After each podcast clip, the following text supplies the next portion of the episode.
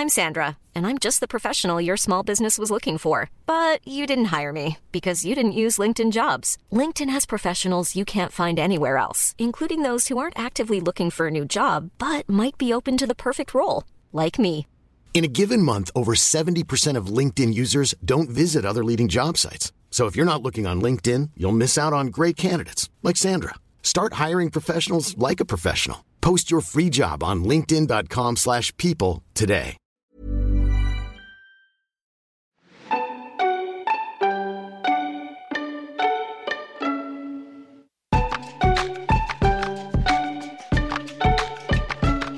Välkomna ska ni vara till ännu ett avsnitt av Så blir du influencer med mig, Emil Norberg. Det här är ett sånt här utvecklingssamtal, ett lite kortare avsnitt där jag sammanfattar vad vi lärde oss i förra veckan, berättar hur jag själv använt mig av de tipsen och slutligen avslöjar om jag kommit någon närmare att bli en influencer själv. I förra avsnittet träffade jag Viktor Klemming, som för många kanske mest är känd för sina Vilken färg är du-klipp som han gör tillsammans med Filip Pelas, som var gäst här i podden också, Gustav Härdner och Kostik Harju. Under vårt samtal berättade Viktor om hur han kämpade med Youtube i hela fyra år innan han till slut slog igenom för en bredare publik. Han berättade också om hur värdefullt det är att hitta sin egen nisch och att göra innehåll som liksom anknyter till trender och pågående händelser i samhället. Ett annat återkommande tema i intervjun var hur Viktor drivs av att kunna skämta om allt. Alltså även kontroversiella och känsliga ämnen och hur det här har varit lite besvärligt då i det här, enligt honom, ganska politiskt korrekta medielandskapet som vi har i Sverige. Han berättar också att det här faktumet att han gärna skämtar om kontroversiella saker lett till att han har bränt vissa broar, alltså att annonsörer ibland är rädda för att samarbeta med honom och till och med att plattformen Youtube ofta gulmarkerar hans klipp, alltså att de markerar dem som olämpliga för att sälja annonser på. Själv har jag varit väldigt konflikträdd i mitt skapande på sociala medier. Alltså när man har gjort parodi på någon har jag alltid varit jätteängslig och tänkt kommer de tycka det här är kul och man försöker alltid liksom inte trampa dem på tårna helt enkelt. Så jag skulle aldrig klara av att ta de liksom risker som Viktor gör. Men under arbetet med den här poddserien så har jag ju tvingat mig själv att liksom experimentera lite mer med mitt innehåll och då ibland gå även lite mer åt det här utmanande hållet och det har varit väldigt läskigt och också lite ledsamt tycker jag. Att man ibland blir missförstådd som att man har något ont uppsåt. När, eh, ja, mitt uppsåt har ju bara varit att liksom göra underhållning.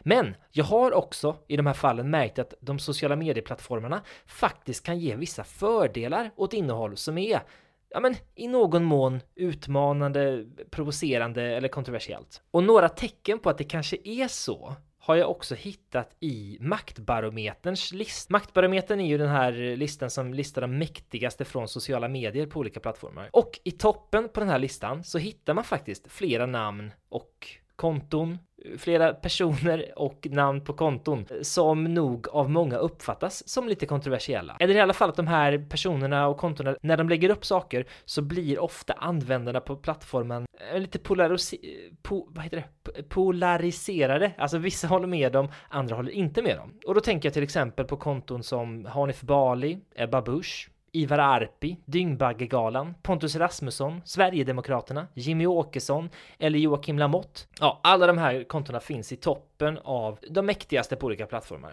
De här plattformarna har ju såklart regler som förbjuder innehåll som är uppenbart oetiskt eller olagligt. Ja, men till exempel att det är rasistiskt eller sexistiskt eller innebär eh, förtal eller liknande. Men annat innehåll som inte bedöms så allvarligt att det ska tas bort helt och hållet, det får ju ligga kvar. Och det leder ju ofta till att det uppstår en debatt i kommentarsfälten. Alltså där både de som håller med om det som framförts i ett inlägg och de som är emot det argumenterar högljutt. Och på samma sätt så delas ju ofta de här inläggen vidare både till användare som man tänker håller med om det som sägs i inlägget, men också till de som man tror inte kommer göra det. Och sådana här inlägg blir ju då lite extra populära, eller vad man ska säga, på det sättet att de väcker engagemang och lusten att dela det vidare, både hos de som gillar budskapet och de som ogillar det. Och det är ju rätt intressant, tänker jag. Och jag tänker också att det kanske finns någon slags hävstång eller inbyggd motor i den där logiken. För de här plattformarna styrs ju av algoritmer och enligt min erfarenhet av hur de här algoritmerna funkar så tolkar de här algoritmerna ett högt engagemang kring ett inlägg som någonting bra alltså som ett, en indikator på att inlägget är relevant och att det ska visas till fler användare. Min erfarenhet säger också att ett inlägg som når ut till andra slags användare än de man brukar nå ut till också tolkas som att det är extra lyckat. Att de tänker åh, Emil når ut till en helt ny personkrets här som man inte brukar göra. Det måste vara något väldigt smart, eh, väldigt eh, ja, relevant som han har gjort här. Och även det faktumet borde ju då innebära att ett inlägg som når ut till nya persongrupper, det borde också anses relevant och rekommenderas till land. Så kanske är det här med att provocera ett litet lifehack för att nå ut på nätet. Men som Viktor själv berättar så kommer ju det här med att vara provokativ med ett pris. Det vill säga att annonsörerna och plattformarna tvekar lite inför att samarbeta med en. Och även eh, sociala medieexperten Ella Grundel, som jag hade med i ett tidigare avsnitt, hon pratar ju om det här, att provokativa beteenden, det kan ju få en att växa snabbt, men att det finns baksidor. Och det här med att man kan växa genom att vara bråkig, det skildrades ju också i SVTs program om bloggbråken och den korta versionen av den historien är väl att många av de bloggarna som blev stora under 00 och 10-talet blev stora genom att ha återkommande publika konflikter som liksom polariserade följarna och skapade debatter och som antagligen gynnade alla som var inblandade. I alla fall ur ett rent uppmärksamhetsperspektiv liksom. Det kanske var jättejobbigt att vara del av det, men, eh, men de blev ju stora. Men idag är ju den här sociala mediebranschen professionaliserad. Alltså det är ju mycket pengar och aktörer och utbildade människor som jobbar med den, förutom influencerna själva. Och idag skulle ju ett sånt beteende, precis som Ella uttryckte det också, leda till att man uppfattas som att man inte är brand safe. Alltså att man blir mindre attraktiv för annonsörer och andra aktörer i branschen. Så det här med provokation är ju ett tveeggat svärd. Och för Viktors del då, så kanske det är så att det här att han vågar vara lite provocerande i sin humor, det kanske är en av hans största tillgångar och uspar. Men det verkar ju också vara det största hotet mot hans verksamhet. Som sagt, för min egen del så är jag inte riktigt beredd att göra de uppoffringar som Viktor verkar vara. Men däremot blir jag inspirerad att använda den här liksom logiken för att skapa engagemang. För tydligen älskar ju användare att kommentera även när de tycker att någonting är fel. Och det här får mig också tänka på en annan grej som jag har märkt genom åren och det är att när man någon gång i en video råkat säga någonting som är fel, alltså ett fakta som är fel, eller när man till exempel stavar ett ord fel i en text, då brukar man få otaliga kommentarer. Ja, du sa fel och det ska vara så här, folk vill rätta en. Eller att man har stavat fel och att det står si och så när det borde stå så. Och det har man ju ibland utnyttjat att om man märker i något skede att åh nej, det har blivit ett fel här. Ja, men då låter man det vara kvar för att man vet att ja, men det kommer komma ett 10-20-tal kommentarer om det här, vilket ju är bra för klippet. Och, och, det är lite samma fenomen. Ja, men så det här med att ge sina följare någonting att reagera på och öppna upp för fler slags reaktioner än bara gillande liksom. Eh, det kan nog vara ett ganska smart sätt för att ibland nå ut till nya målgrupper och skapa lite större engagemang. Men det gäller ju då att inte göra det för ofta och inte utan en plan eller liksom inte helt tanklöst. För då riskerar man ju istället att bli personen non grata, alltså någon som man inte vill ha att göra med. Nu, nu slår det mig att jag borde ju säga någonting här då som är väldigt kontroversiellt, som, som bäddar för att det blir mycket kommentarer kring det här poddavsnittet. Man kanske... Okej, okay, men jag, jag, jag slänger ur mig ett kontroversiellt påstående här då. Sen så väntar jag på reaktionerna och alla nya följare. man borde klippa bort ännu fler scener ur Kalle Anka på julafton. Ja, det ska väl finnas någon som, som har en tanke om det. Life is full of awesome what ifs and some not so much, like unexpected medical costs. That's why United Healthcare provides Health Protector Guard fixed indemnity insurance plans to supplement your primary plan and help manage out of pocket costs. Learn more at uh1.com. There's never been a faster or easier way to start your weight loss journey than with PlushCare PlushCare accepts most insurance plans and gives you online access to board-certified physicians who can prescribe FDA-approved weight loss medications like Wigovi and Zepbound for those who qualify. Take charge of your health and speak with a board-certified physician about a weight loss plan that's right for you. Get started today at plushcare.com slash weight loss. That's plushcare.com slash weight loss. plushcare.com slash weight loss.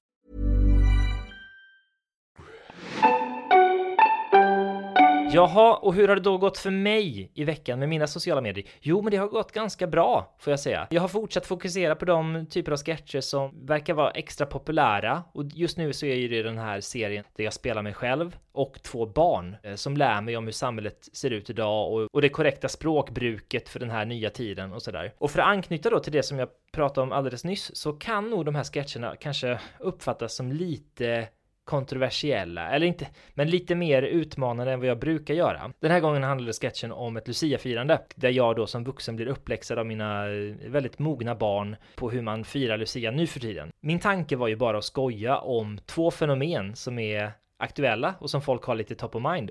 Och det ena är ju då att det, det, var Lucia. Och det andra de här identitetspolitiska reformerna som pågår hela tiden. Alltså att saker som ansågs okej okay att säga eller göra för en tid sedan numera inte är det och att man, ja men till exempel inte utan vidare ska köna en annan person och sådär. Och då tyckte jag det var lite roligt det där med att köna, inte för att jag har någonting emot den utvecklingen, den är väl jättepositiv, men jag tyckte det fanns något roligt i att låta barnen bli upprörda när de blir kallade för stjärngossar när de står med strut och stjärna, eftersom gossar ju då är att eh, köna barnen. Ja, det kanske inte var så roligt. Jag tyckte det och det har ju gått rätt bra för klippet så det var ju fler som gjorde det. Glad Lucia! Wow, vilka fina stjärngossar! Wow! Gossar! Du kan inte bara anta kön. Nej, fast stjärngosse är väl inget biologiskt kön? Exakt, det är en social konstruktion. Eh. Men jag märkte det då att när man skojar om någonting på det här sättet, det räcker ju att det har beröringspunkter med identitetspolitik. Eh, och kanske kan missförstås som att jag menar att Lucia ska firas så som det gjorde förr. som de här Sverigedemokratiska politikerna som tackar nej till ett Lucia-tåg för att det var någon som inte identifierar sig som kvinna som var Lucia. Eller hur det nu var. Och de kanske tror då att jag är något slags eh, högertroll som är emot utveckling och jämställdhet och sådär. Men så är det absolut inte. Och det har jag också fått förklara här i kommentarerna till klippet. Men oavsett då så har jag märkt att de här missförstånden, det har ju lett till att klippet delas till användare och tittas på även av de som inte tycker att det är roligt. Eh, och det är, de får göra vad de vill med sin tid, men det är ju positivt för mig, för det blir ju fler, eh, fler visningar helt enkelt. Ja, så de har i alla fall nått ut väldigt brett och jag tror att det här Lucia-klippet har ungefär 300 000 visningar på TikTok och 200 000 på Instagram, så det är superkul. Och med hjälp av de här då så har jag fortsatt nå ut till fler användare och fått fler följare. Och den senaste månaden då så har jag fått ungefär 1000 nya följare på Instagram och 4500 nya följare på TikTok. Så det är ju superkul. Och som sagt så har jag börjat experimentera lite med Snapchat också. Och även där har klippen faktiskt fått ganska mycket visningar. Men jag märker inte alls att folk börjar prenumerera. Eh, och jag tycker inte heller att det finns något tydligt community där. Jag uppfattar att det inte alls är som på andra plattformar. Kanske är det annorlunda om man har fler följare, eller kanske är det bara jag som inte fattar appen. Men det känns lite grann som att man bara kastar in sina klipp i ett svart hål och sen visas klippen för hundratusentals konton, men eh, deras reaktioner når inte mig liksom. Jag vet inte vad som händer sen. Jag har också försökt ge mig på det här med YouTube Shorts och jag berättade ju att jag skulle prova den plattformen och det har jag gjort. Och jag har fått det förklarat för mig som att den ska funka ungefär som TikTok eller Instagram Reels. Alltså att den ska fokusera på innehållet och när den hittar riktigt bra innehåll då ska den pusha ut det till användare. Alltså oavsett om de följer ens YouTube-kanal eller inte. Så jag har provat att ladda upp samma klipp som jag har laddat upp på TikTok och Snapchat och Instagram även på YouTube. Men det har gått bedrövligt där. För alltså de klippen som på Instagram och TikTok har fått hundratusentals visningar, de har liksom på YouTube fått som bäst 4700 visningar eller något sånt där. Det är ju inte dåligt heller, men det är bara konstigt för att tydligen är ju det här bra och delbart och roligt innehåll enligt andra plattformar i alla fall. Så det är någonting konstigt med hur YouTube Shorts funkar nu. Kanske är det så att de svenska användarna av YouTube inte riktigt är med på YouTube Shorts. De är inte mottagliga för sådana klipp. Eller så tycker inte YouTube att eh, den här Lucia-sketchen var rolig. av något skäl då. Och det, det behöver de inte göra. Men det är lite märkligt bara tycker jag, när det gått så bra på andra plattformar. Well, well, well, well, well. Det var allt för den här veckan. Som vanligt får ni gärna kontakta mig med frågor eller kommentarer om podden, vad jag ska prata om eller vad jag ska fråga om när jag har gäster. Jag heter Emil Norbergs på alla plattformar, så där kan man klicka in och hitta mig och följa mig då. Kanske ni blir en av dem som jag nämner i ett kommande avsnitt när jag säger att det har kommit fler följare. det vore kul. I nästa avsnitt så träffar jag dansarna och det äkta paret Nino och Julia som nyligen fick en miljon följare på TikTok. Helt otroligt. De har kommit till mig och ska berätta precis hur man gör för att få en miljon följare. det vill ni inte missa. Hej då!